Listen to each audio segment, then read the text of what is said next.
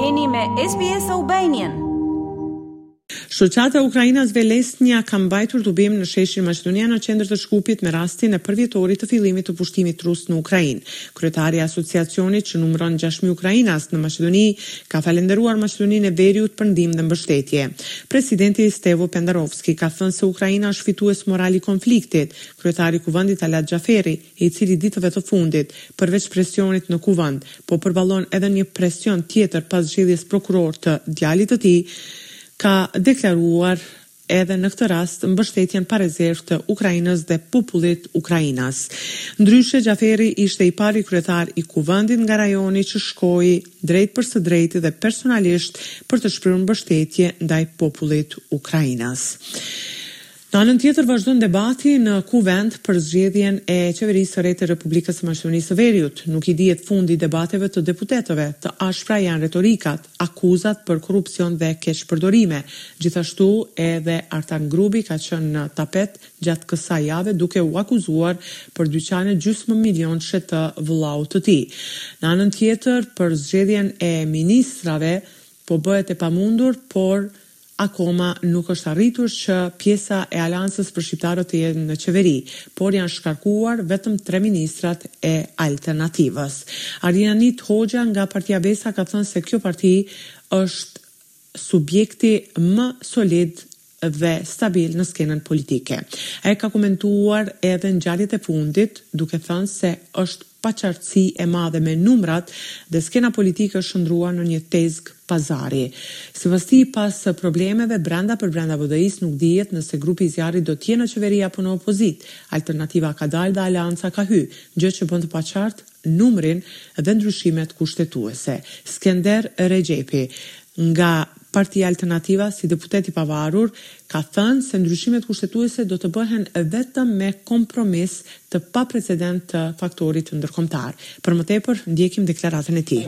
Këto ndryshime do vijnë vetëm me një presion më të madh ndërkombëtarësh, posaçërisht Shteteve të Bashkuara të Amerikës dhe BE-së që është shumë e qartë janë faktorë kyç ndaj opozitës maqedonase për të treguar që interesi i shtetit Republikës Maqedonisë së Veriut për qenë pjesë e Bashkimit Europian është më i madh se çdo interes personal apo partiak, vetëm në atë mënyrë, ndaj nëse nënshtrohet ndaj një presioni të tillë, besoj që do mund të vijë te ndryshimet kushtetuese. Mund të vijë deri te ajo që njëherë të votohen ndryshimet kushtetuese të shkohet në zgjedhje, edhe kjo është një prej opcioneve, por më së paku pritet që të shkohet në zgjedhje për të bërë ndryshimet kushtetuese pastaj. Po ashtu kryetari i Aleancës, Arben Taravari ka thënë se VMRO dhe Levica nuk duan ndryshime kushtetuese. Sipas tij, forca të udhëhequra nga vetë Rusia po e paraqesin si radikal dhe të korruptuar.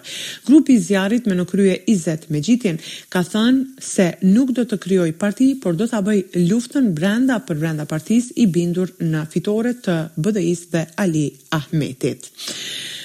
Në anën tjetër, një zhurmë dhe një shqetësim i madh në opinion ka ndodhur pikërisht për shkak të gjetjes së një pllake ku shkruan, Dardanus.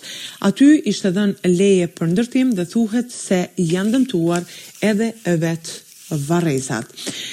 I pyetur sekretari shtetëror se çfarë po ndodh lidhur me pllakën dhe artefaktet ai është shprehur kështu, ndjekim deklaratën e Valmir Azirit. U konstatu që ka parregullsi në punë, që ka mbetje të dëmtuara, që ka eshtra të shpërndara dhe ka sarkofagë të thyer, të cilët ne këtu Bashkërisht jemi, tash nuk mund të shofim një realitet ta shofim me dy palë sy të ndryshme. Po.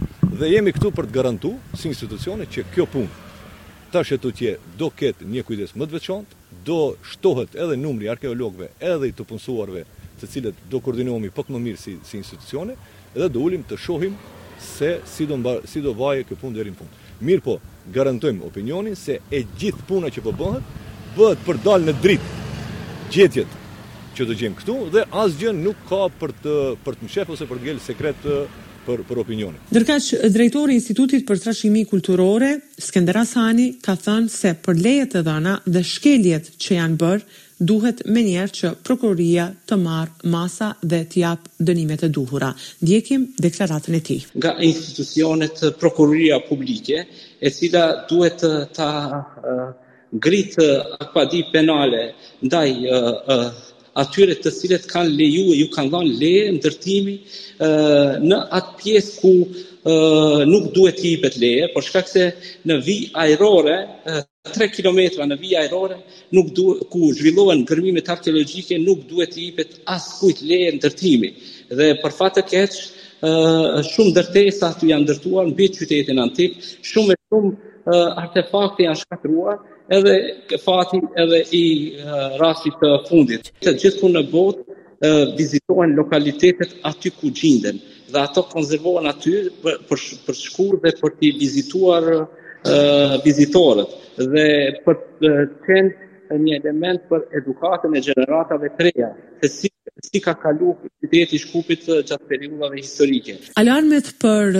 bomba të rrejshme kanë vazhduar edhe gjatë kësaj jave. Janë lajmëruar bomba në katërmbëdhjetë shkolla të Shkupit, punonjësit e policisë kanë marrë masa të menjëhershme për zbardhjen e rasteve dhe për alarmet e rrejshme.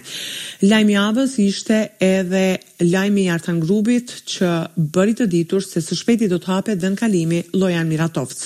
Është nënshkruar protokolli në mes të dy ministrave, Spasovskit dhe Gashiç, respektivisht Maqedonisë së Veriut dhe Serbisë. Kështu përfundon pjesa e stërgjatur e hapjes së vendkalimit Llojan Miratovc që do të bëjë të mundur komunikimin dhe udhëtimin me lehtësi të këtyre dy vendeve. Për Radion SBS raporton nga Republika e Maqedonisë së Veriut, Besjana Mehmedi. A ju pëlqeu ky reportazh? Për më shumë vizitoni Apple Podcast, Spotify ose faqet e tjera të podcast.